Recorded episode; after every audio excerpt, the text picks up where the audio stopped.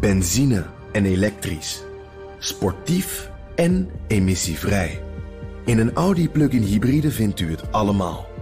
Ervaar de A6, Q5, Q7 en Q8 standaard met quattro vierwielaandrijving. Wat u ook zoekt, u vindt het in een Audi. Audi. Voorsprong door techniek.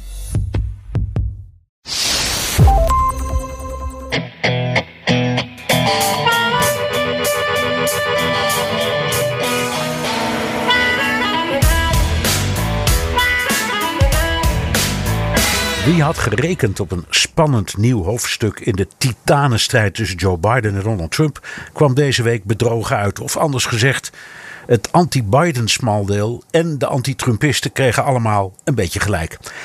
Op een door CNN georganiseerde town hall meeting legde Joe Biden op deze manier uit waarom kinderen vanaf 12 gevaccineerd moeten worden. And the question is whether or not we should be in a position where you uh, um, are. Why can't the the the experts say we know that this virus is in fact uh, um, uh, is, is, is going to be uh, or excuse me, we, we, we know why all the drugs approved are not temporarily approved, but permanently approved. Wie het begrijpt, mag zijn vinger opsteken. Maar Trump was geen haar beter. In een twee uur durende woordenbrei in Arizona was hij even vergeten hoe de leider van de Taliban ook alweer heet: Malabi Hibafullah Akhundzaza. I told the Taliban, I spoke to the leader, and I spoke. I said, let's call him Mohammed. I said, Mohammed, we're leaving. Alleen had Trump het voordeel van 5000 juichende fans. Dit is aflevering 87 van de Amerika-podcast. Ik ben Bernard Hammelburg in Amsterdam met een flesje water uit de Ardennen. Want als je de beelden bekijkt, hebben ze in de Ardennen aan één ding zat. En dat is waar, water. ja, die zorgen probeer je eens een beetje uit handen te nemen. Hier uh, Jan Posma op mijn vaste stek uh, aan de eettafel in Washington. Ik heb ja, een, een glaasje gefilterd uh, chloorwater uit, uit de kraan hier. Want dat is toch een stuk minder lekker dan wat jij hebt. En natuurlijk een kop hete koffie. Dat hoort er ook bij. Ja, Bernard, het nieuws kwam een beetje naar me toe eigenlijk afgelopen weken. Daar wil ik het eerst wel even, even met je over hebben... voordat we het over uh, de twee mastodonten gaan hebben ook. er was hier wat onrust in de buurt. Toen uh, vorige week in, in de 14e straat. Uh, jij kent Washington ook goed. Dat is uh, een straat een paar blokken bij mij vandaan. Loop je zo naartoe. Best een drukke plek ook. en daar gebeurde iets wat er op die plek niet zo vaak gebeurt. Um, je moet je voorstellen, het was een beetje rond de tijd dat mensen het eten gaan. de, de, de, de terrasjes zaten vol. Het was ook een uitgaansavond. Iedereen zit buiten. En toen gebeurde dit.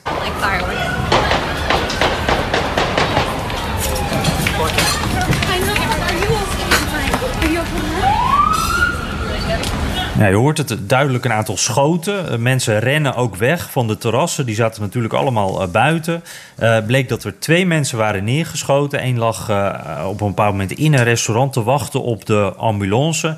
En ja, ik zei het was een drukke straat. Het was ook een welvarend stukje Washington waar dit gebeurde. En ik, ik weet niet of jij dit restaurant ook kent, maar het gebeurde vlakbij Le Diplomat. Uh, ken je dat?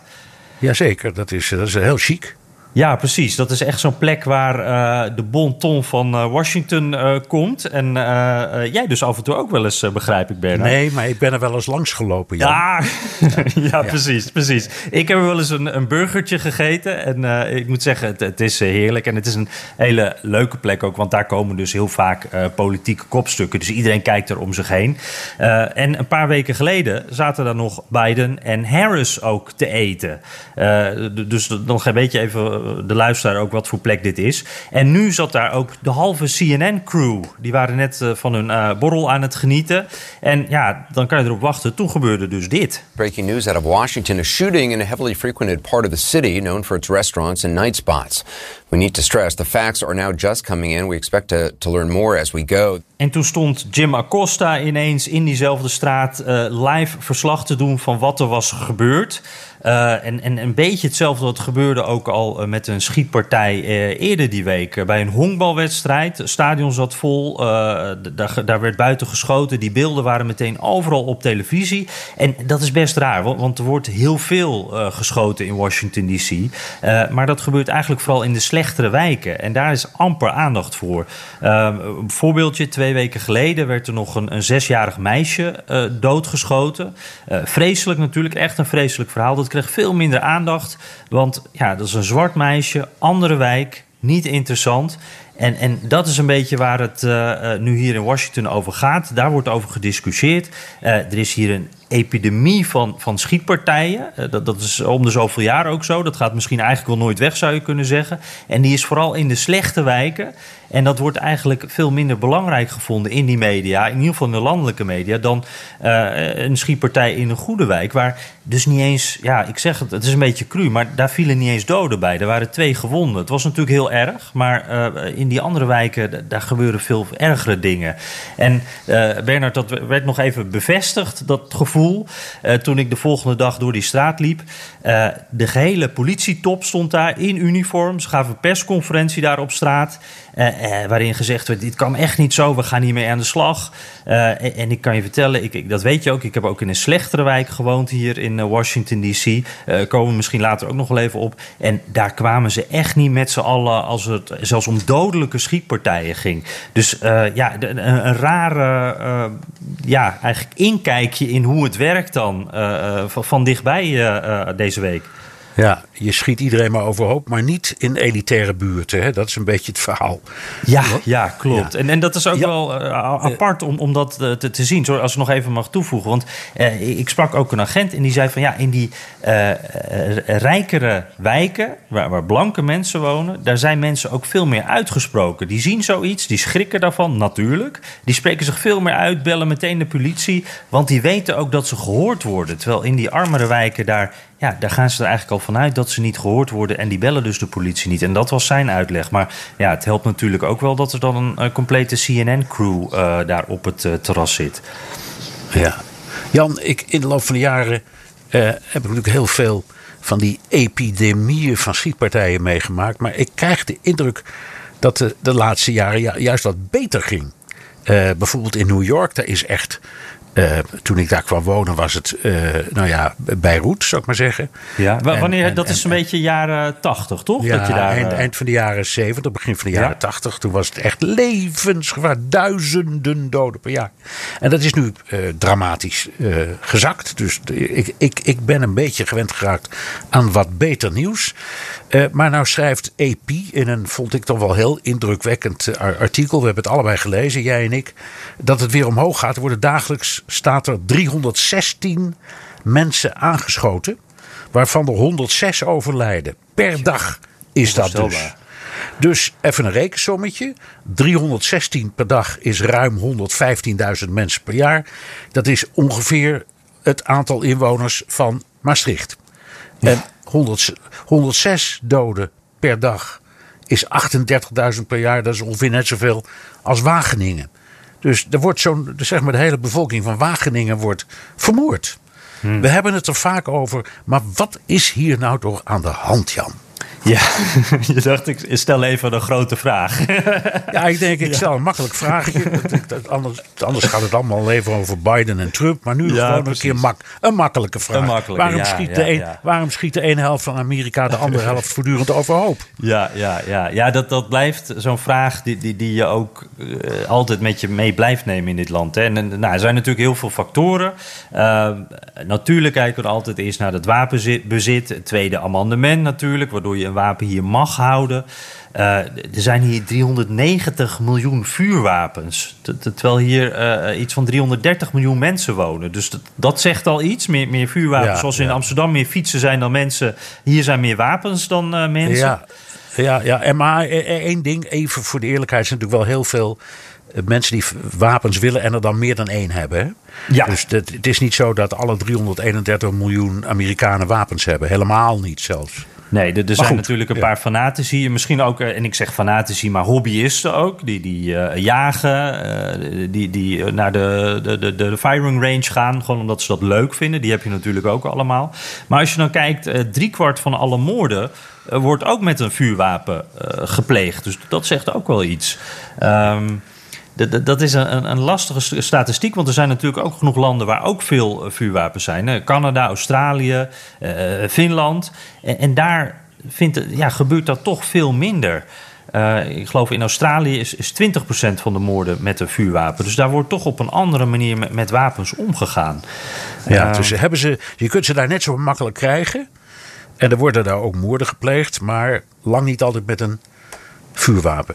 Nee, precies, precies. En, en eh, nou ja, om meteen even te duiken in, een- in een praktijkvoorbeeld, eh, Bernard, gaan we het zo weer wat, wat breder en, en wat meer over het culturele hebben. Maar ik- moest hierbij ook denken, om nog even terug te komen op die slechte wijken, die, die je in elke grote Amerikaanse stad hebt natuurlijk, die probleemwijken.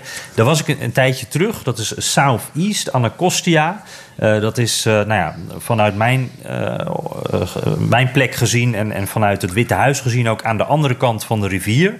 En dat is echt de, slechtere wijk van Washington. Daar vinden heel veel schietpartijen plaats.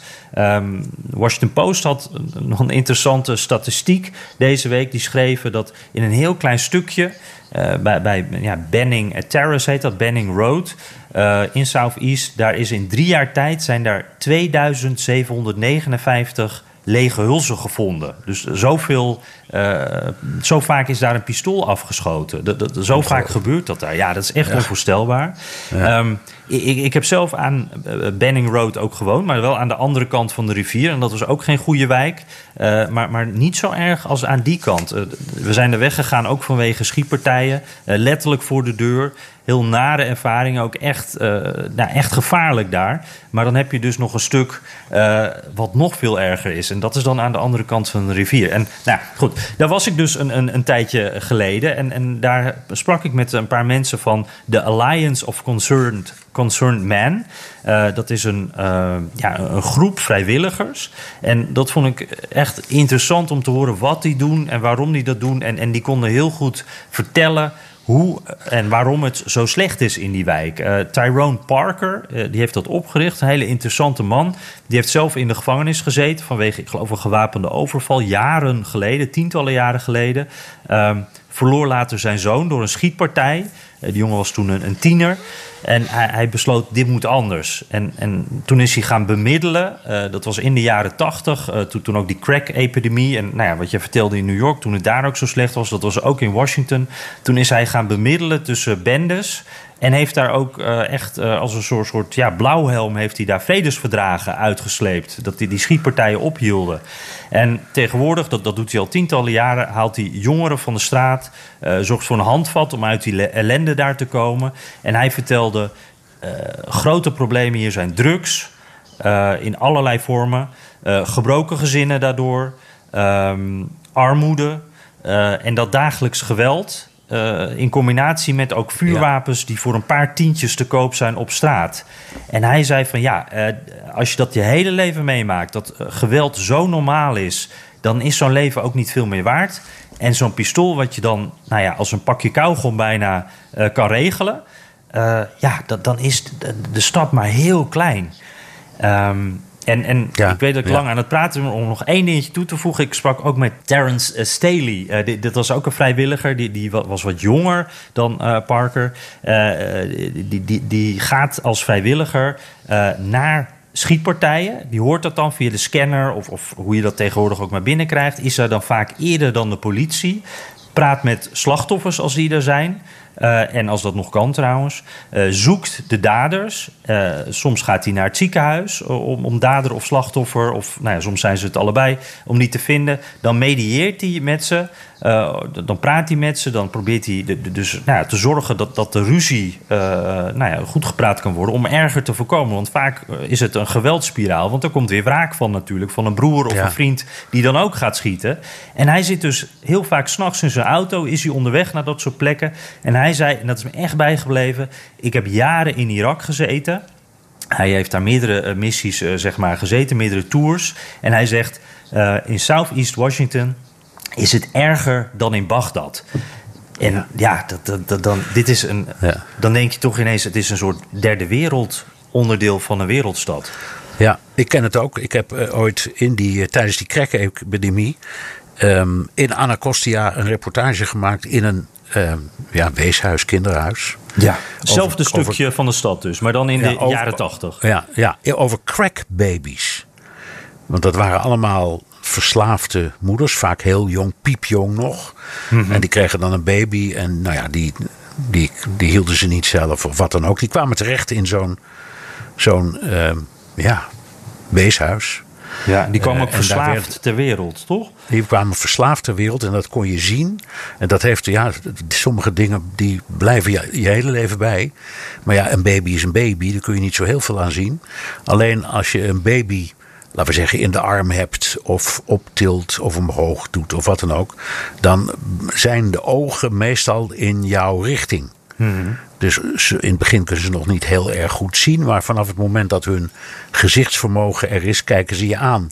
En uh, uh, crackbabies die kijken altijd naar links of naar rechts, maar nooit naar je gezicht. Mm. En eh, dat is een van de manieren waarop ze diagnoses stellen. Ja. Uh, en uh, ja, dat, dat, dat noemen ze geloof ik grazing, maar ze, ze, kijken dus een andere kant op. Hartverscheurend verhaal. En petje af voor de mensen die daar werkten. Dat waren natuurlijk voornamelijk vrouwen in dat vak. En die moesten elke dag bukkend onder de kogelregen door naar hun werk en weer terug. Ja. Dus, dus je vertelde net over al die patroonhulzen die je, die je dan uh, waar je, eh, die je er aantreft. Nou, daar was het echt, het, het krioelde ervan.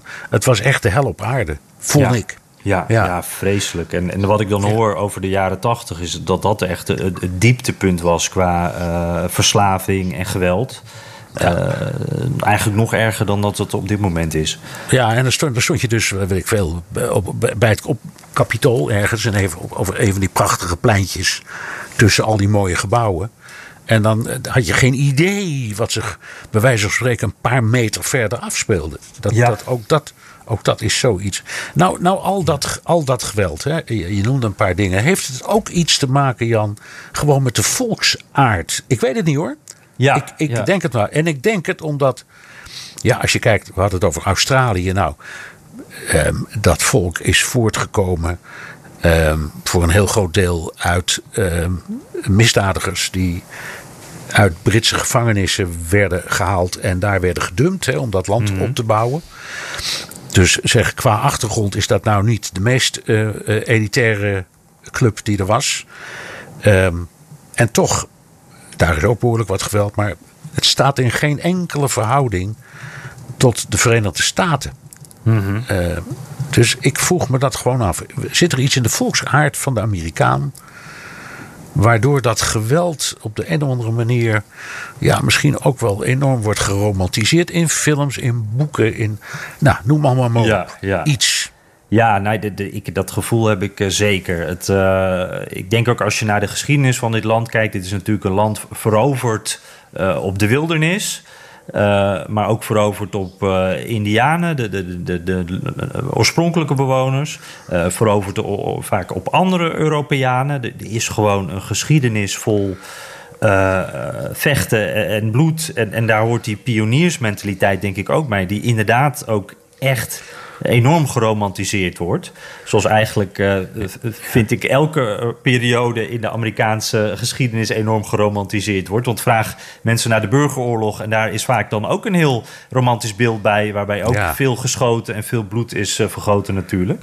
Uh, dus ik heb het wel even kijken naar de geschiedenis. Dat is in ieder geval denk ik wel een aspect, aspect dat meespeelt. hoe zie jij dat? Ja. Ja, ja, ben je wel eens naar een gunshow geweest? Ja, toevallig wel. Ja. Ja, ja, ja, nou, Dan, dan, dan, heb je dus hetzelfde gezien als ik. Dat is een, een, een beurs. Hè. Daar staan allemaal standhouders met. Ehm, nou ja, er staat een arsenaal aan wapens, dat geloof je bijna niet. Ehm, alsof het zo uit het depot van de krijgsmacht is gehaald. uh, en op de meeste van die gunshows, daar gelden de heel veel regels niet. Eh, identificatieplicht of onderzoek doen naar je achtergrond. Die in het algemeen wel bestaan als je naar een winkel gaat en een wapen koopt, maar daar niet. Dus daar zie je dus mensen echt, uh, nou ja, in drommen afstormen op, die, al die pracht en praal, vinden zij. Ze zijn ook vaak gekleed in van die uniform, legeruniformachtige kleding. Ja, ja. Uh, dus, dus ze zijn er bij wijze van spreken. En je ziet er heel veel vrouwen, niet alleen mannen. En ik heb daar ook wel met vrouwen gesproken die dan heel trots lieten zien wat ze allemaal aan wapens hadden gekocht. En vertelden dat ze er thuis uh, in een vitrine nog eens veertig andere hadden liggen. Ja. Um, ja, ja. En ze vertellen en, erover alsof het een postzegelverzameling is. Alsof het een postzegelverzameling is, ja, maar ook met. met, met uh, ze zijn er ontzettend blij mee en heel trots op. Ja, postzegelverzameling. Het, het doet er niet toe. Uh, maar uh, ja, zoiets. Um, en niet dat ik het er beter door begrijp, maar je ziet het wel. En je ziet daar eigenlijk alleen maar gelukkige mensen. Dat, dat vond ik het, het meest typerende. Dolgelukkige mensen die allemaal staan te oefenen met kalasjnikovs en weet ik wat allemaal voor verschrikkelijke wapens. Je kunt het zo gek niet verzinnen. Van die hele grote dingen. Raketlanceerders. Je, noemt, je noemt het ja. en het is er. En ze staan er allemaal met van die gelukzalige gezichten met zo'n ding in de hand. En dan zie je ze denken: kan ik deze wel betalen? Zou die op afbetaling kunnen? Kan ik afdingen? Je ziet het allemaal gebeuren. Ja, precies. En het is ook uh, het is echt een, lifestyle in veel gevallen. Hè? Het is ook een, het, uitleven van een fantasie. Jij, noemt al uh, mensen in uniform. Uh, dat, zie je bij die milities ook wel, wel veel. Van, nou, die, die hebben dan ook een soort uniform. En je ziet gewoon, daar zit ook een deel van, het, het spelletje. Het is echt een spelletje soms ook. Van, we, we doen alsof we een, ja, een soort legertje zijn. Ik doe alsof ik in het leger zit. Ik doe alsof ik hierbij hoor. Ik, LARPen heet dat, geloof ik. Hè? Dat je een live-action game. nou, ik weet niet waar die andere letters voor staat. Maar dat je eigenlijk een rol speelt. En, en dat is wat volgens mij ook een deel van, de appeal hierbij is. De bijhoren. Stoer ja. zijn. En, en dus eigenlijk ook, dan kom je toch weer terug, denk ik ook, op die pioniers, op die mensen uh, uit de tijd van uh, de, de, de, revolutie hier. Uh, de, ja, daar willen ze dan ook een beetje naar teruggrijpen. Ja, en de ontsluiting van het Westen en al dat is natuurlijk ja. zo. De, ja. de, kou, de cowboy-periode, de verheerlijking ook daarvan in, in, in, in geschrift en in film. Hm. En dan iets, ik weet niet, wat jou indruk is. Maar ik heb altijd de indruk dat als je op dit niveau praat, een gunshow. En niet politiek, maar gewoon de praktijk van hoe mensen leven en hoe. Nou, dat dat niet een typisch republikeins of democratisch ding is. Nee, dat, dat is zo. Ik heb wel het gevoel, het hangt ook van het, de, de, inderdaad, je zegt al heel goed, op zo'n gunshow. Het hangt ook wel af van de plek waar je bent. En ik heb wel het gevoel dat republikeinen er vaak wat mondiger over zijn. Het ook leuker vinden om het daarover te hebben. Maar uh, helemaal als je uh, in de Midwesten ergens uh, op zo'n gunshow gaat kijken, dat, dan zijn, lopen er ook gewoon heel veel democraten rond. En is ja. dat helemaal niet een, een puur republikeins ding? En weet je, Bernard, ik heb ook, dat, dat moeten we ook nog even noemen, want anders krijgen we daar vast brieven over. Er zijn natuurlijk ook een paar praktische redenen waarom je een wapen hebt. En uh, ja, ik, ik, moet ook wel zeggen, het is natuurlijk heel anders dan Nederland. Zelfs in Nederland, als je afgelegen woont, dan is de politie er toch, nou, in een kwartiertje, snel in ieder geval, kan de politie bij je zijn. Maar hier kan je echt uh, uh, uren bij een, bij een agent vandaan zijn. En als er dan iets gebeurt, ja, dan is het wel fijn als je jezelf kunt verdedigen natuurlijk. Dan, ja, dat is ook zo. Heel veel, dat is waar. En op het platteland is het ook gewoon. en heel veel boeren, dat heb ik ook vaak gezien bij boeren thuis. sorry, die hebben dan een wapen.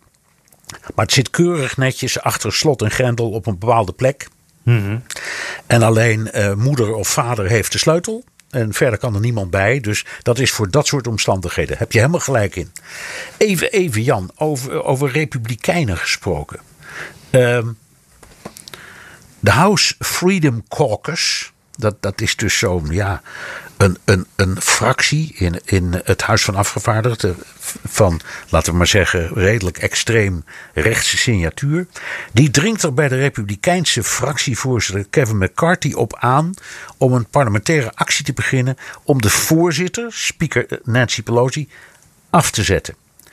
Maar dat, daar gaat de meerderheid toch over, Jan? Je kan, iemand kan wel roepen: ik wil van deze voorzitter af uh, in, in, in, in een parlement. Maar de Democraten hebben toch de meerderheid. Ja, precies. En, en ik heb ook echt het gevoel, dit is voor de bühne. Uh, Nancy Pelosi, dat is natuurlijk een, een, een boegbeeld van de Democraten, maar ook de Republikeinen. En met name die, die jij net noemt, inderdaad, van die House Freedom Caucus, die zien haar echt als de grote tegenstander. Hè? Je, je, had Hillary Clinton, maar Nancy Pelosi, die is, dat is ook iemand waar ze tegen vechten.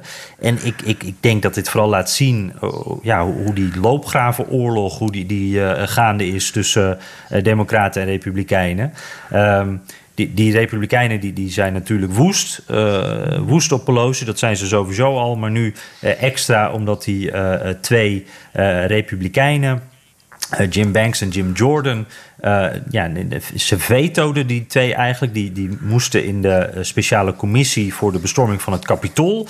moesten die terechtkomen, twee, twee Republikeinen. Nancy Pelosi zei, ja, dat, dat gaan we niet doen. Die zijn eigenlijk te direct betrokken... Uh, bij wat er die dag gebeurd is. Uh, die, die, die namen het op voor bestormers. Uh, nou ja, er werd ook gezegd die Jim Jordan moet misschien wel opgeroepen worden als getuige. Want we weten niet of die bijvoorbeeld contact heeft gehad met Trump. Nou ja, weten we allemaal niet. Maar dus Pelosi zei, die twee wil ik eigenlijk, die wil ik er gewoon niet in hebben. En toen zei Kevin McCarthy, ja, mooi is dat. als jij dat doet, dan trek ik alle vijf kandidaten die, die het zouden kunnen doen. Die trek ik allemaal terug uit die commissie. En feitelijk komt er dan dus onder mijn toezicht, onder het toezicht van McCarthy, komt er geen Republikein in die commissie terecht. Nee, en, en ik dacht toen hij dat zei. Uh, ik begrijp best dat het een spel is met die twee mannen die die erin wilden hebben. En die waarschijnlijk alleen maar zouden zeggen dat het een, uh, een feest der democratie was, die bestorming. Ik noem maar wat. ja, precies. Maar ik, ik kan McCarthy geen ongelijk geven als ik erover. De, als, het werkt zo. Zo'n zo'n commissie wordt altijd samengesteld uit leden van allebei de partijen.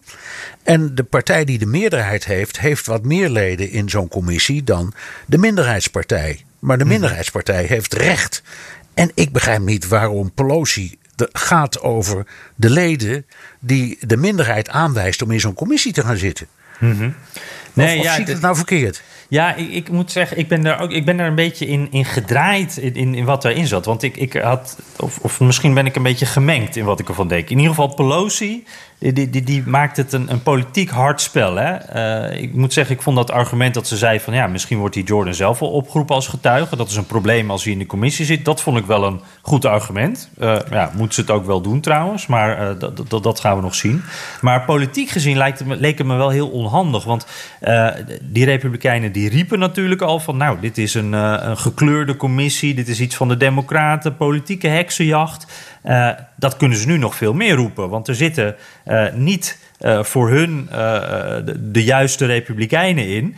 ik zeg het al even voorzichtig, want uiteindelijk heeft Pelosi twee republikeinen gestrikt. Die zijn tegen, eigenlijk te, tegen hun leider Kevin McCarthy ingegaan. Adam Kinzinger en Liz Cheney. Vooral die laatste, die kennen we natuurlijk. Die hebben, ze hebben allebei tegen, tegen Trump gestemd, dus voor impeachment gestemd.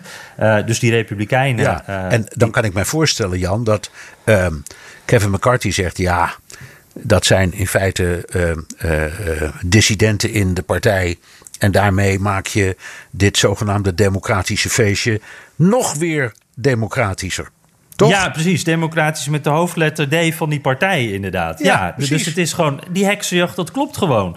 Ja, en daar zit ook wel wat in. Uh, want het is nu ook uh, een, een, feestje van de, de Democraten. En dus twee uh, zeer Trump-kritische Republikeinen. Dus dan krijg je dat, dat kleurtje ook wel. maar nou moet ik zeggen, ik dacht dus daarvan... dit is politiek echt zo onhandig van, van Pelosi. Maar toen zat ik vandaag te kijken. Als we dit opnemen, hebben we net een ochtend van, die hoorzitting gehad. En um, dat werd op alle zenders live uitgezonden. En uh, tegelijkertijd was er een persconferentie van uh, Jim Jordan, die we net noemden, die dus niet in die commissie mocht. En Marjorie Taylor Greene, waar we het ook vaak over hebben. Ook iemand nou, aan de extreme kant van de Republikeinse Partij. Ja, daar, daar, daar bij die vrouw zit een printje los, zullen we maar zeggen. Hè? ja, ja, ja, ja, ja. Je, je hebt mensen die uh, om aandacht verlegen zitten. En je hebt mensen waarvan je soms denkt dat ze gewoon de weg kwijt zijn. En Marjorie Taylor Greene valt daar wel onder. Um, laat die brieven maar komen. Uh, en, uh, maar goed, die, die twee dus, en, en nog een paar trouwens, die hielden buiten het congres, een, een, uh, het kapitool hielden ze een persconferentie. Daar was een beetje aandacht voor. Daar zeiden ze ook weer allemaal dingen die, die echt nergens op slaan. Maar toen dacht ik dus bij mezelf: wacht even, het zit misschien ook wel wat anders. Want um, die, die Jordan, die, die zit dus niet meer aan tafel. En er zitten niet meer pro-Trump republikeinen aan tafel in die commissie. En dat zorgt er natuurlijk ook wel voor dat we niet uh, ja, krijgen wat we bijvoorbeeld bij de impeachment hebben gezien. Dat het heel duidelijk twee verhalen zijn die tegelijkertijd tegen elkaar opboksen. Waardoor je eigenlijk ook geen klap verder komt. Nee. Uh, dus McCarthy is ook wel, voor zover hij dat nog een beetje had, is hij ook wel zijn invloed kwijtgeraakt op die commissie. Dus toen, ik ben benieuwd wat jij ervan, Bernard. Dus ik dacht in nou, eerste ja, instantie dat Don is het. Pelosi. Dat- Toen dacht ik, nou, ik weet het niet. Ja, maar goed, de vraag is: oké, hij natuurlijk, hij is invloed kwijtgeraakt. Want dit is nu, het wordt één groot doorgestoken kaart. Uh, en die commissie die zal wel tot de conclusie komen dat het allemaal gruwelijk en misdadig was. Zonder dat de Republikeinen daar nog veel aan kunnen veranderen. Aan de andere kant, als je kijkt naar de, de Republikeinse achterban. dan denk ik dat Kevin McCarthy wel op een principieel moment zijn rug, recht houdt. Er wordt een commissie samengesteld. En uh, ik, ben, ik benoem daar vijf mensen in. Twee daarvan die willen jullie niet. Nou, dan doen, doe ik de andere ook niet. En die twee, die, die, die, daar kun je van zeggen wat je wil. Van Banks en Jordan. Uh, maar uh, het, het, zijn, het zijn volksvertegenwoordigers. Ze zijn gekozen. Dus mm -hmm. ze hebben precies hetzelfde recht als ieder ander gekozen lid van een democratisch parlement. Met kleine letter dan. Uh, om, uh, om, om in zo'n commissie te zitten. Dus ik denk eerlijk gezegd dat uh, de, de, afloop van deze hoorzitting, die staat wel vast. Er komt een conclusie dat het allemaal heel vreselijk was en daar stopt het, want je kunt er niks mee. En dan weet ik niet of McCarthy daar zo slecht uitkomt. Mm -hmm. ik, ik, denk, ik denk dat hij het in dit schaakspel best goed speelt. Ja, ik ben heel benieuwd. En, en sowieso of er wel iemand hier kan winnen trouwens. Want uh, ja, we hadden het al even voordat we, uh, voordat we met elkaar praten. Toen, we konden ons al niet inhouden. Toen hadden we het er al eventjes snel over. Maar... Ja, precies. Ja, over, over wat, wat levert het op. Hè? Was, ja, precies. Toen, ja, toen we de band startten, zal ik maar zeggen. Toen, daar, vlak daarvoor hadden we het erover. Wat zou het nou kunnen opleveren? Toen hadden we een geniaal mijn, gesprek. Jammer dat jullie dat ja, niet ja, ja, ja, geniaal gesprek. we, we herhalen het even, want we willen de luisteraar graag deelgenoot maken van jouw genialiteit. uh, maar uh, uh, uiteindelijk, de, ja, naar mijn idee, levert zo'n commissie niks op. Ja. Het duurt een tijdje. Het trekt alle camera's van alle stations. Uh, het zijn allemaal commentatoren de, waarvan de ene helft weer zal roepen dat het een schande is. En de andere helft dat het een zegen is voor de democratie. Maar je kunt er niks mee. Nee. Als die commissie tot de conclusie komt dat hier ernstige misdrijven zijn gepleegd. Nou, dan kunnen ze niet zoveel. Ze kunnen ze aangifte doen tegen degene die het hebben gedaan. Maar dan zal de FBI zeggen: sorry jongens, dat doen wij. Daar gaan jullie niet over. Dus ja. uh, nou, het kan zijn dat er eentje uh, mijn eet pleegt. He, dat zou kunnen tijdens zo'n hoorzitting, want ze staan allemaal onder, allemaal onder Ede. Dat is reden om aangifte te doen, dat kan wel. Het kan zijn dat er één weigert op te komen. En dat, mm-hmm. dat, dat is verboden. Dus als bijvoorbeeld, laten we zeggen, als uh, Jim Banks of Jim Jordan zouden worden opgeroepen en ze komen niet. Nou, dat is ook een misdrijf. Dus dat, mm-hmm. dat, dat is ook strafbaar. Maar goed, dat zijn allemaal, dat zijn allemaal kruimels, joh. In, ja, in, wat... in het grote politieke plaatje verandert er helemaal niks. Nee, want we hadden het er ook over eigenlijk in de ideale wereld, uh, waarin wij nieuwsgierige mensen uh, meer antwoorden krijgen op vragen. Daar, zou het gaan om nieuwe informatie. Dat wordt ook wel gezegd, van wij willen, dat zeggen de Democraten, wij willen weten wat is er gebeurd in het Witte Huis op die dag en de dagen ervoor en daarna.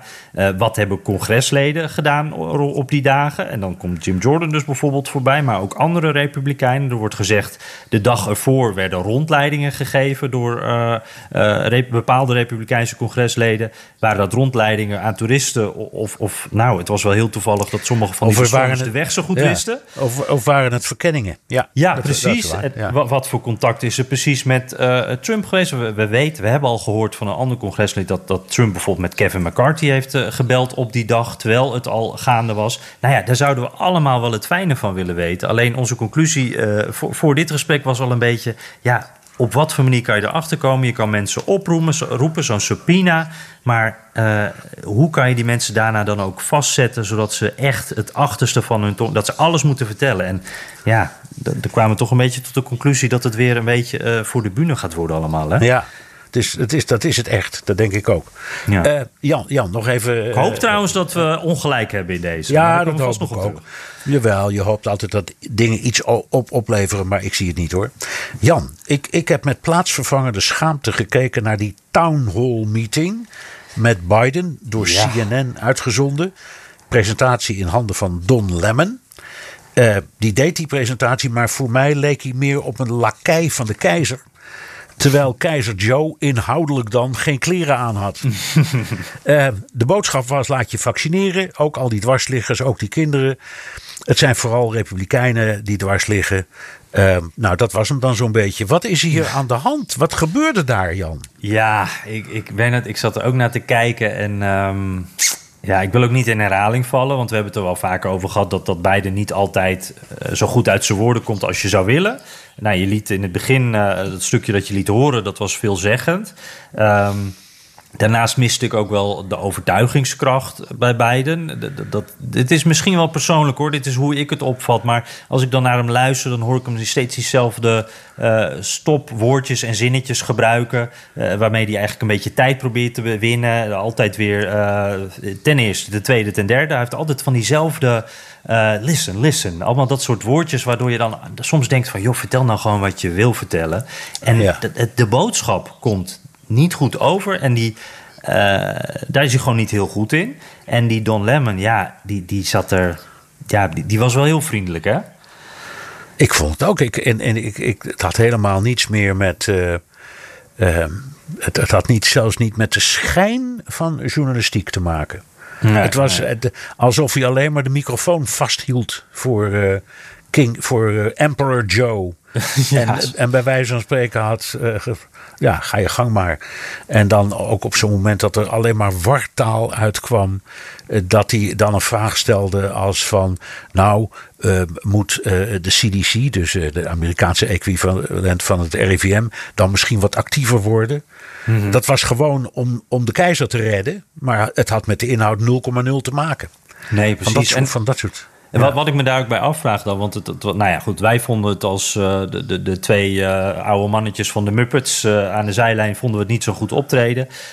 maar waarom deed hij het ook? Hè? Waarom zat hij bij CNN voor zo'n town hall? Het, het was in, in Cincinnati volgens mij. Waar, waarom doet hij dat? Want je weet dat daar de vaste CNN-kijkers naar kijken. En wie moeten we nou overtuigen om dat vaccin te nemen uh, als president zijnde? Dat is natuurlijk, dat zijn die republikeinen. Die zitten niet naar die town hall te kijken. Dus ik weet nee, eigenlijk nou, het doel niet. Ja, nou, misschien dat hij dacht... Kijk, het, um, Ohio is een van de, van de grootste, belangrijkste swing states. Ja. Uh, en daar, daar is ook veel verzet tegen het vaccin. En misschien, laten we nou het voordeel van de twijfel geven, dacht hij, weet je wat, ik probeer nou zo'n town hall meeting format om die boodschap van laat je prikken, laat je prikken, laat je prikken, om die nog eens te benadrukken. Mm-hmm. En dat is geen slecht idee, want uh, er zijn grote problemen met die prikcampagne. Het wil niet goed lukken, vooral niet in, in bepaalde gebieden. Dus de, misschien is het zo simpel, Jan uh, waren zijn bedoelingen allemaal prima. Uh, en liep het uit de hand. En was hij zijn tekst vergeten. En werd hij zenuwachtig. Of wat er ook aan de hand was. Maar er was iets aan de hand. Heel duidelijk. Ja, ja, en dat, dat kan natuurlijk altijd gebeuren, maar hij is de president. En dan denk ik wel eens bij mezelf, stel dat we... Nou ja, laten we eens even doen alsof het niet Biden is... maar Obama op dit moment de president zou zijn.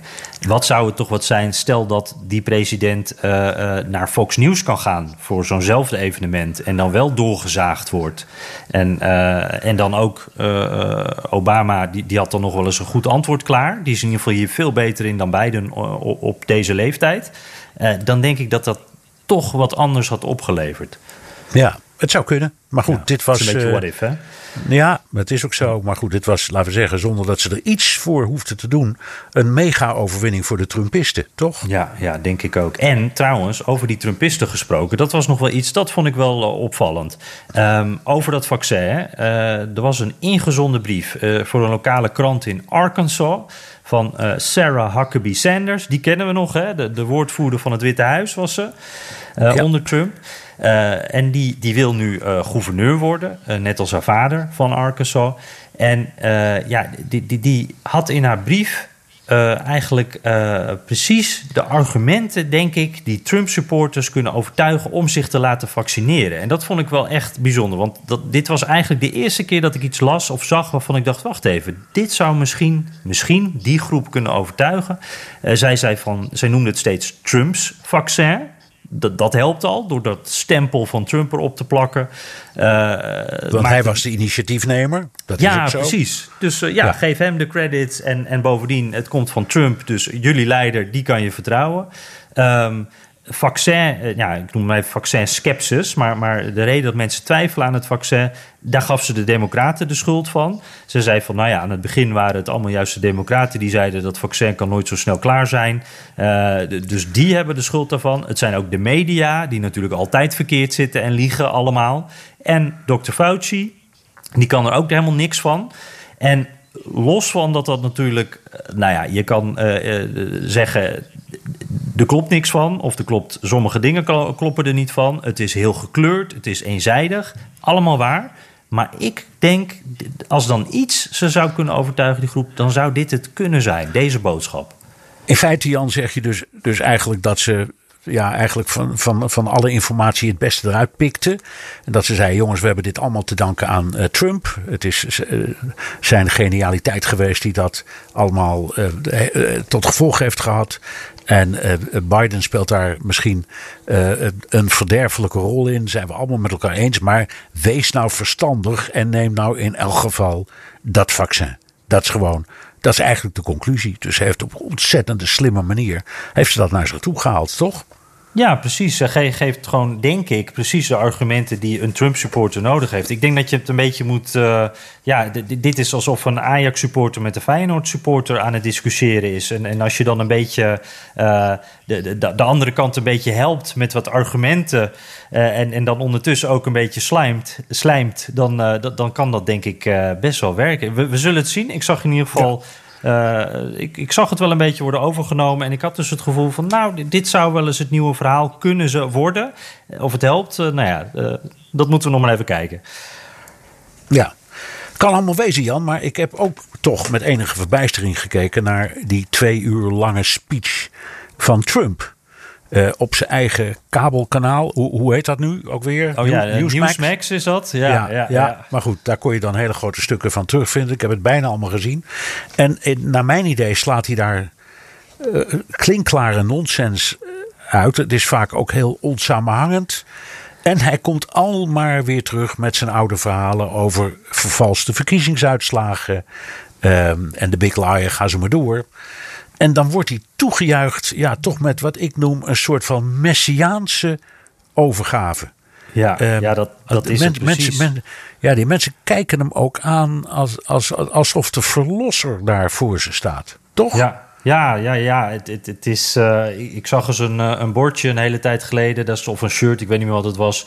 Uh, de, de, de, wat was het ook alweer? Jesus, my savior, Trump, my president. Nou ja, je kan het ook omdraaien, geloof ik, af en toe. het Zo. maakt ook niet uit wat hij zegt. Want hij, hij komt eigenlijk altijd met hetzelfde verhaal. Dat is al heel lang zo. Uh, nu ging het ook weer. Het ging over uh, de verkiezingsfraude die er volgens hem is. Uh, het, het, het, het, gaat weer over Antifa. het gaat weer over Arizona, over Georgia, waar, waar, ook verkiezingsfraude zou zijn gepleegd. En, en ja, het, is iets.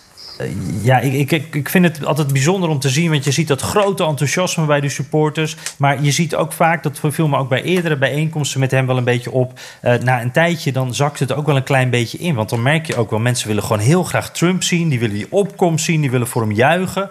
En na een tijdje, ja, twee uur, uh, dat is best lang. Na een tijdje dan word je ook een beetje moe en denk je van, nou, ik ken het ook eigenlijk wel een beetje. En dan gaan mensen ook wel wat eerder naar huis hoor. Maar ja, ja het is meer van hetzelfde. Ja. Misschien. Maar eerlijk gezegd, je ziet het ook bij grote sportwedstrijden. Waar mensen soms honderden dollars hebben betaald voor een kaartje. En dan uh, bijvoorbeeld bij honkbal. En dan ergens midden in de ne negende inning. Dan loopt het hele stadion leeg. Ja, terwijl de wedstrijd nog loopt. Dus dat kan het ook zijn hoor. Van, uh, ik, ik, sta dubbel geparkeerd. Of ik moet mijn auto ophalen. Ik moet de kinderen naar school brengen morgenochtend. Kan ook iets heel gewoons zijn. Maar het blijft, het, ja, het blijft een fenomenaal gebeuren. Die man met zijn rallies. Uh, en, en, het feit is dat er toch weer een vol stadion was, hè? Precies. Ja, toch weer ja. 5000 man.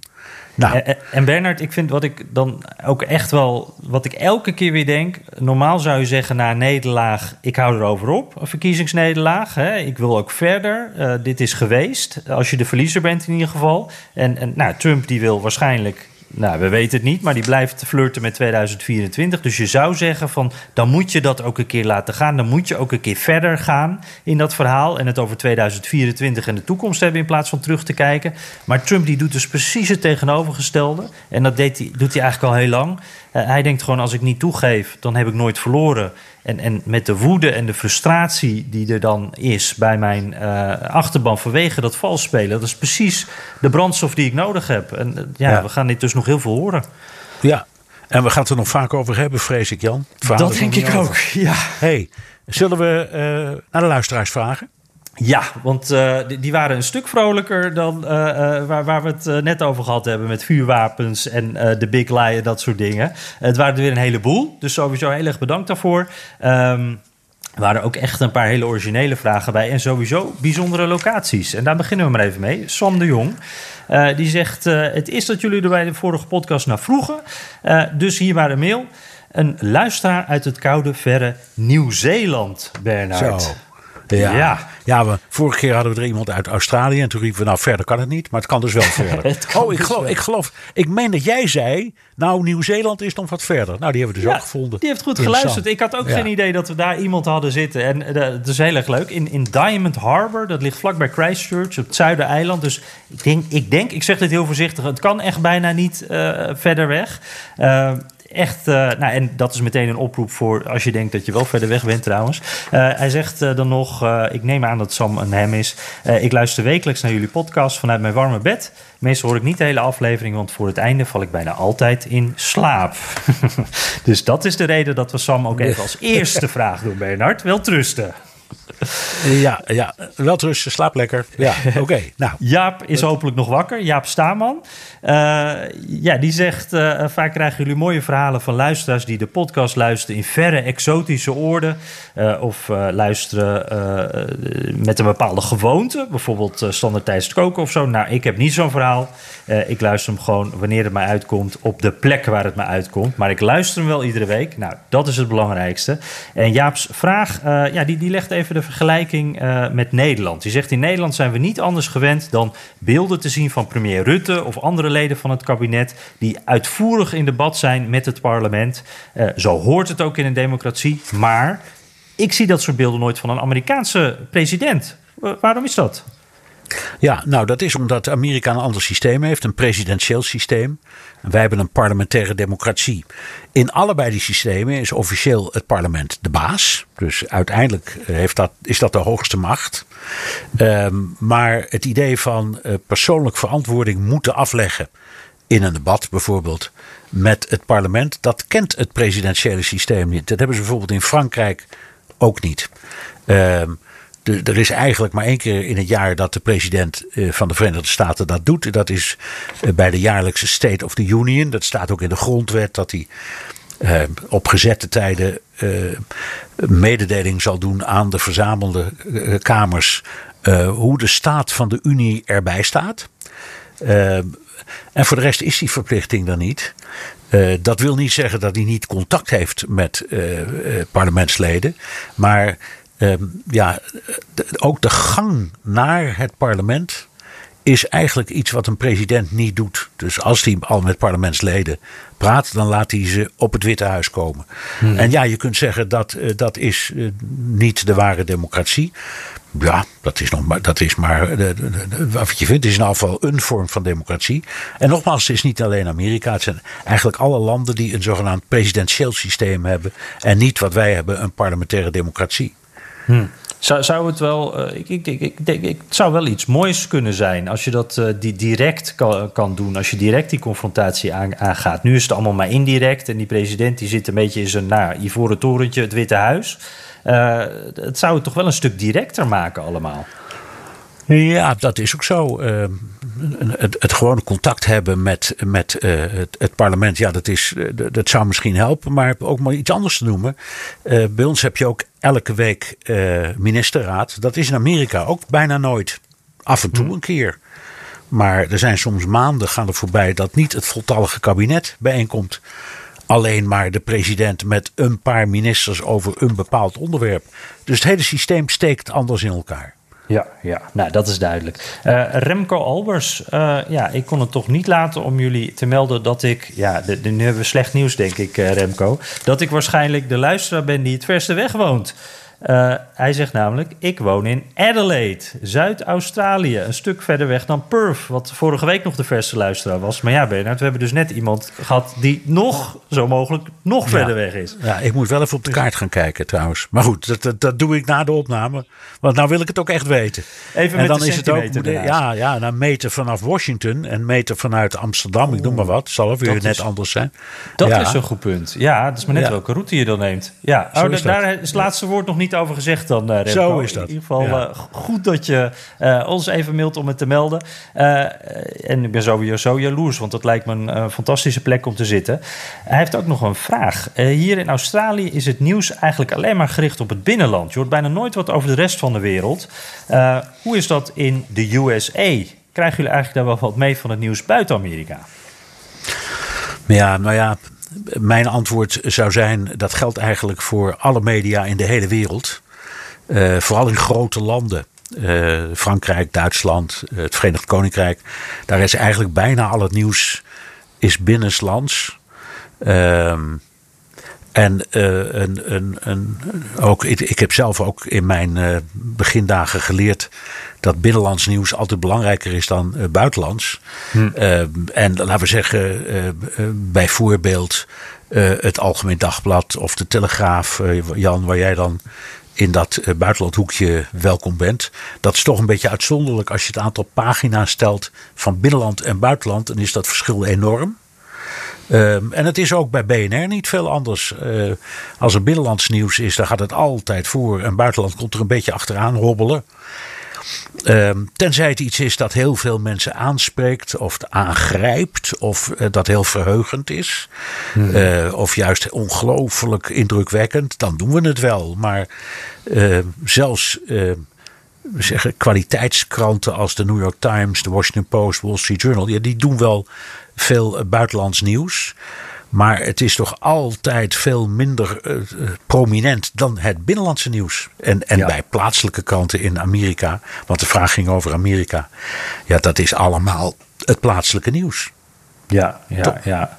ja klopt. En, en ja, ik heb wel het gevoel, ik ben benieuwd hoe jij dat ziet. De Amerika is natuurlijk bij uitstek een heel groot land. Vinden zichzelf ook heel belangrijk. Uh, ik heb wel het gevoel dat hier, met name trouwens de televisie, bedenk ik me nu, maar wel het nieuws in het algemeen wel nog wat meer op, op zichzelf gericht is. Er wordt nog meer uh, genavelstaart dan, dan in Nederland, voor mijn gevoel. Amerikanen, voor Amerikanen is het buitenland letterlijk en figuurlijk uh, vaak wel ver weg. Dat is ook zo. En ze hebben geen idee waar het is, hè? Nee, uh, nee ergens over de grens. Maar daar houdt ja, het wel maar ze weten, ze weten, nee, dit, ik bedoel het niet denigrerend, maar ze weten echt niet waar het is. Omdat ze ja, vaak hun hele leven ook niet in het buitenland komen. Heel veel Amerikanen hebben nog altijd geen paspoort. Het is ook een heel groot land. Mm -hmm. Dus in Amerika zelf gebeurt zo verschrikkelijk veel. Ja. Uh, en uh, ja, dat willen ze ook allemaal volgen. Dus, maar nogmaals, het is een reflex in de journalistiek om altijd eerst te kijken naar dingen uh, die, die in je eigen buurt en omgeving gebeuren. Dus bij wijze van spreken de weggelopen kat van de buren. kan het toch net wat gevoeliger nieuws zijn dan een rel in Helsinki. Ja, ja precies. Dichterbij is, is ja, beter. Het is, ja, ja, ja, het viel me ook op uh, toen we die overstroming hadden in Limburg en in, in Duitsland en in België. Dat was echt het moment, het was, het was lang geleden dat ik weer echt Europa op de voorpagina's zag staan hier. Uh, dat, dat, dat zie je gewoon niet heel vaak gebeuren. Dan moet het echt of groot nieuws zijn of heel spectaculair nieuws. En dat was natuurlijk met heel spectaculair beeld van aardverschuivingen en, en, en drijvende auto's. En, en dat was een moment dat hier uh, ook Europa even in beeld kwam. Maar verder, zelfs als het over de brexit gaat, dan, dan ja, vinden ze toch maar ver weg en lastig allemaal.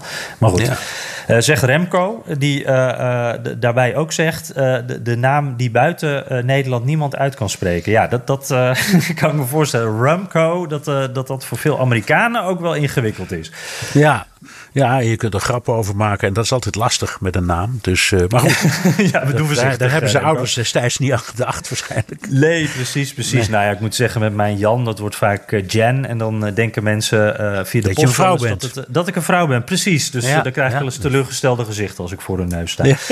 goed. Aukje, dat lijkt me ook zo'n naam waarvan we in Nederland denken... prima, en in Amerika is het misschien soms wat ingewikkeld uit te leggen hoe je dat spelt. Aukje Jansen vanaf Hawaii. En ja, die kennen we, Bernard. Dat is een vaste ja, luisteraar. Ja, die heeft, die heeft al meer geschreven over Hawaii. En daar hebben we toen een heel gesprek over gehad. Ja, precies. En, en daar komt ze nog even op, op terug. Uh, we waren toen al jaloers, dat zijn we nu weer. Want zij zitten natuurlijk wel op de allermooiste uh, plek. En toen hadden we het erover. Uh, toen stuurde zij eigenlijk een berichtje van dat, dat het daar zo druk is met toeristen. En dat Hawaii daar, daar onder zucht en, en kreunt, want het is wel heel druk. Um, ja, en zij zegt dan nog als toevoeging: de toeristen op zich zijn ook niet het probleem. daar is iedereen heel blij mee. Maar het is, zoals ook al eventjes werd genoemd in de podcast, vooral de enorme hoeveelheid in één keer. Is maar een klein land dat niet is ingericht op zoveel mensen. Ja, het ging ook even over dat Jas Eiland natuurlijk ook wel toeristen wil. Maar ze zegt nu is het gewoon echt in één keer te veel. Uh, ja. En uh, gelukkig kunnen er nog wel twee bij, zegt ze. Want wij zijn van harte welkom om uh, langs te komen. En, dat ja, daar hadden we het vorige, hadden we vorige keer ook over. En wij moeten nu toch de hoofdredactie ervan overtuigen. Dat ja, het dringend, dringend noodzakelijk is om... Uh, een, een, een op ja, we moeten de banden één, onderhouden. Hè? Ja, ja, zo is dat. Met op minst één aflevering van de Amerika-podcast op te nemen in die Amerikaanse staat, namelijk Hawaii. Ja, precies. En, en dan is het maar uh, een klein stukje roeien naar Nieuw-Zeeland en Australië. Dus ik, ik zie wel een, uh, een, mooie tour voor ons uh, voor de volgende afleveringen. Zo is het. Ja. Ik moet alleen nog even de hoofddirecteur overtuigen. Dankjewel, Aukje. Joost van der Eijk, die zegt dan even kijken. Ja, complimenten sowieso. Nou, dankjewel. hij luistert tijdens de verbouwing. Muurtjes bouwen, elektra installeren, betonstorten. Alles wordt lichter met jullie podcast. Alleen tijdens het zagen zet ik jullie even uit. Nou, ja. dat is mooi. Geweldig. En uh, hij heeft ook nog een vraag. Uh, ja, hij zegt: uh, Jullie proberen de gebeurtenissen in dat maffe land voor ons te duiden. En mij valt nu steeds vaker op dat jullie de totale tweedeling en die bizarre standpunten die steeds vaker worden ingenomen ook niet meer kunnen verklaren. En dat jullie er zelf ook enigszins radeloos en verbijsterd naar kijken. Klopt dat, Bernard? Nou, een beetje wel, ja. Ik weet niet of ik die woorden zou kiezen. Radeloos is wel. Je klinkt nog maar, uh, opgewekt. Jawel, maar verbijstert wel. Ik, ik, vind, ik vind de dingen die gebeuren wel een beetje verbijsterend. En we hebben het er al vaak over gehad. Het, het, het gebeurt wel meer in de Amerikaanse geschiedenis. Hè. Als je denkt aan de periode van Goldwater en, en Johnson en, en de periode van Nixon. en tot op zekere hoogte ook de periode van Carter, waarbij het centrale gezag eigenlijk helemaal verdampte. En, en, en daar een mannetje zat in het Witte Huis die door links en rechts werd geminacht. Dus er zijn wel meer van dat soort momenten geweest. Maar zoals nu, dat, dat is inderdaad, dat heb ik niet eerder meegemaakt. Ik geef dat toe. Uh, uh, het is misschien ook een van de redenen dat we zoveel over dit onderwerp praten. Deze kwesties praten in deze podcast. Maar het is wat zeg, wat er nu allemaal gebeurt. Ja, ja en, en je noemt een paar periodes nou. Is, is er nou eentje die er voor jou uh, uitspringt? Je noemde Carter bijvoorbeeld. Is dat, of, of gaan we toch wat verder terug? Wat is nou het laatste echt moment dat jij echt, of het grootste moment dat jij echt ook even dacht van, nou, nu moet ik toch even goed nadenken wat ik hiervan da, vind? Nou, kijk, het, uh, uh, Nixon en daarvoor Goldwater en Johnson en zo. Dat is natuurlijk ook, ook voor mij geschiedenis. Ik heb het wel meegemaakt, maar ik woonde de, de, niet als journalist. Carter wel. En uh, dat heb ik toen ook wel met veel, ja, verbijstering is wel het woord, uh, bekeken. Hoe die um, compleet de macht verloor. Hoe de economie compleet uit de hand liep. Uh, de, de, zowel de, de werkloosheid als de inflatie die stegen hmm. naar krankzinnige hoogte. Ehm, de ontwaarding van alles. De, het, het feit dat je daar, ik denk voor het eerst in de Amerikaanse geschiedenis, in de rij moest staan om benzine te tanken. Soms wel een uur.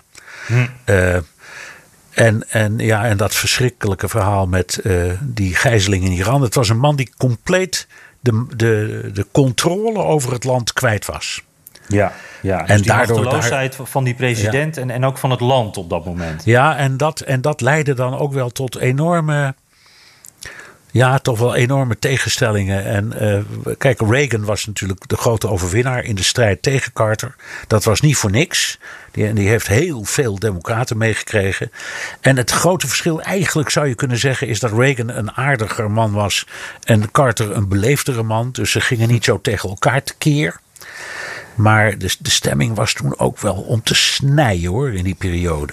En, Reagan bracht denk ik meer dat, dat optimisme terug, die, die trotsheid. Eh, een beetje populisme is dat eigenlijk. Het klinkt mij ook een beetje Trumpiaans nu, als ik het zo... Uh, ja, maar dat was wel... Trots op je land zijn en zo. Ja, maar hij geloofde echt wel in dingen en heeft ook dingen voor elkaar gekregen. Het was, het was, mhm. het, was iemand die toch, uh, denk ik, met al zijn fouten, en dat waren er heel veel hoor, die hij had, toch uiteindelijk door Gorbachev kun je zeggen. Maar goed, hij, hij is mee gaan doen. Met z'n tweeën hebben ze toch uh, de Koude Oorlog beëindigd. Mm uh, dat is niet niks. Uh, het duurde nog even voordat dat echt werd bekrachtigd. Maar die, die, die beroemde zin van uh, Reagan, Mr. Uh, Mr. Gorbachev, tear down this wall, dat, dat was niet niks. Dat was echt een keer, keerpunt in de geschiedenis. En dat, ja, nou ja, dat kun je waarschijnlijk van Trump niet zeggen, behalve dat hij Trump is. Dat is het historische van Trump, van Trump. Maar voor de rest denk ik niet. Nee, dat hij, ik, ik, ik bedoelde het meer het, het, het, uh, die boodschap van optimisme en, en van uh, trots op het vaderland. Na een periode waarin in ieder geval een deel van de bevolking dat, dat, dat, dat trotsen wat kwijt is geraakt en een beetje gedemoraliseerd. Nee, dat was, dat was, echt, dat was inderdaad Reagan. Hm, hm, hm. Ja. ja. Maar goed, ik, eh, we ook een beetje af. Uh, in ieder geval uh, duidelijk. Ik, ja, ik wou er zelf nog wel even aan toevoegen. Want Joost die heeft er wel een punt. Want ik, ik heb af en toe ook wel eens... dan zitten we naar die podcast, dan zijn we ermee bezig. En dan gaan we dan echt even voor zitten... Met ons kopje koffie en het glaasje bronwater... van een bepaald merk ernaast. Of soms zelfs een, een colaatje. als we echt gek doen. En soms moet je een beetje losmaken ook, Joost... uit dat nieuws van de dag... En uh, dat heb ik bijvoorbeeld vandaag ook wel een klein beetje. Dan zit je naar die hoorzitting uh, te kijken uh, over de bestorming van het kapitool. En dan gaan we eventjes zo in die podcast gaan we het over heel andere dingen hebben. En de, soms dan stapelt dat zich een beetje op. Dan merk je van, nou, ik ben nog dat nieuws van de dag aan het verwerken. In de podcast hebben we het weer over andere dingen. En met name noem ik dan ook die bestorming van het kapitool. Omdat dat voor mij dus echt zo'n onderwerp is waar ik eigenlijk nog steeds over aan het malen ben. Uh, hoe dat die dag was, hoe het voelde, wat daar gebeurd is en wat dat betekent vooral. En, en ja. ja. hoe daar twee compleet verschillende interpretaties van zijn. En dat is soms echt uh, mind-boggling, zeggen ze hier dan. Hoe je daar dan uh, je weg in kan vinden. Ja. Ja, dus, ofwel uh, verbijsterend, om dat woord Ja, klopt. Dat is een veel beter woord. Ja.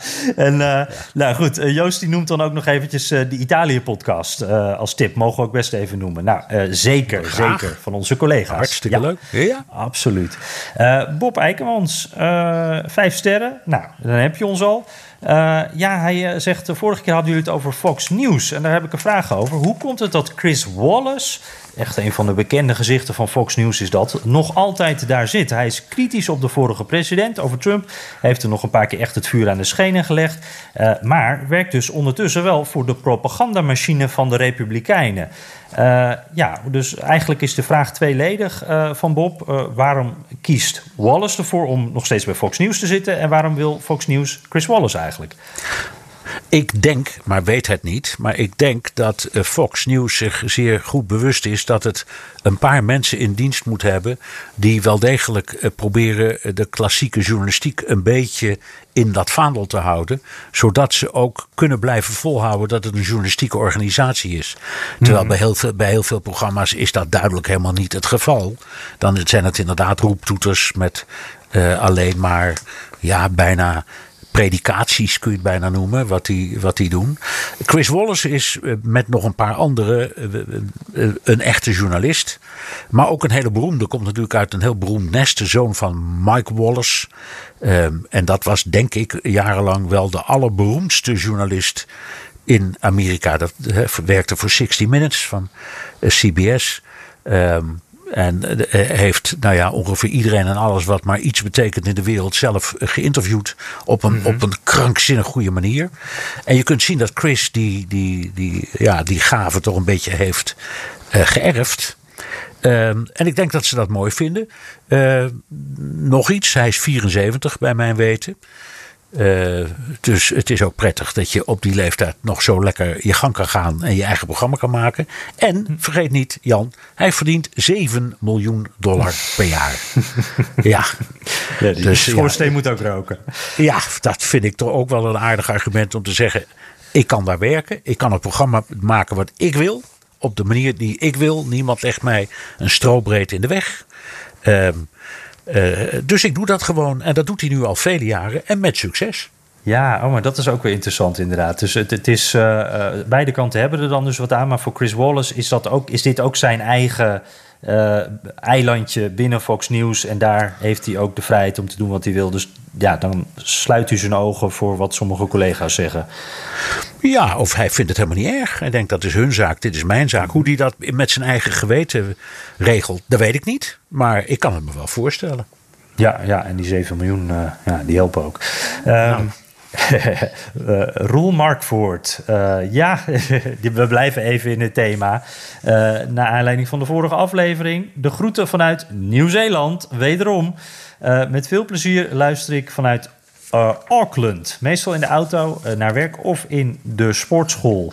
En hij zegt nog, toen Biden president werd, was ik even bang dat de podcast saai zou worden. dit is waarschijnlijk mijn eerste indirecte compliment aan Trump.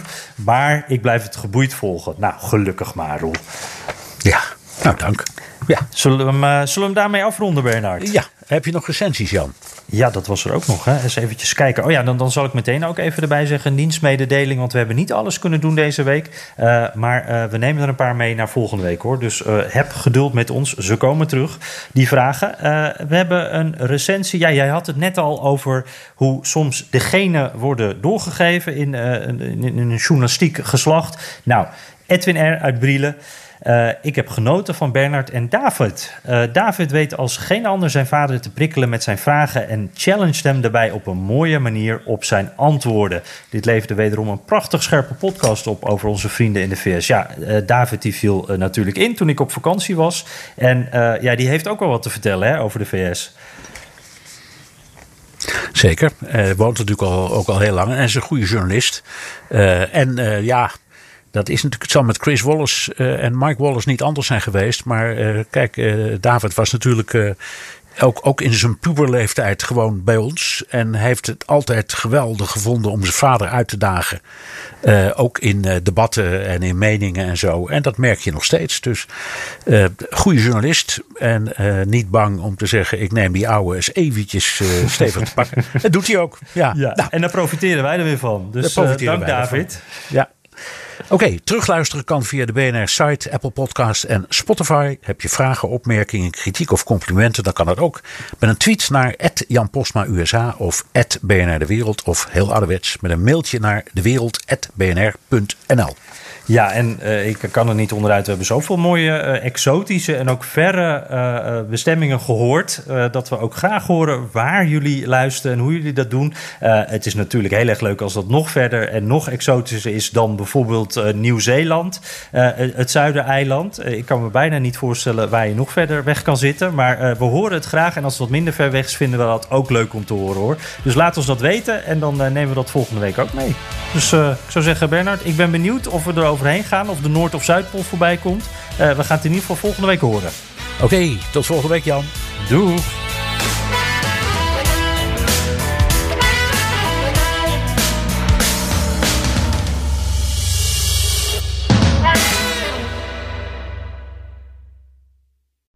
Benzine en elektrisch. Sportief en emissievrij.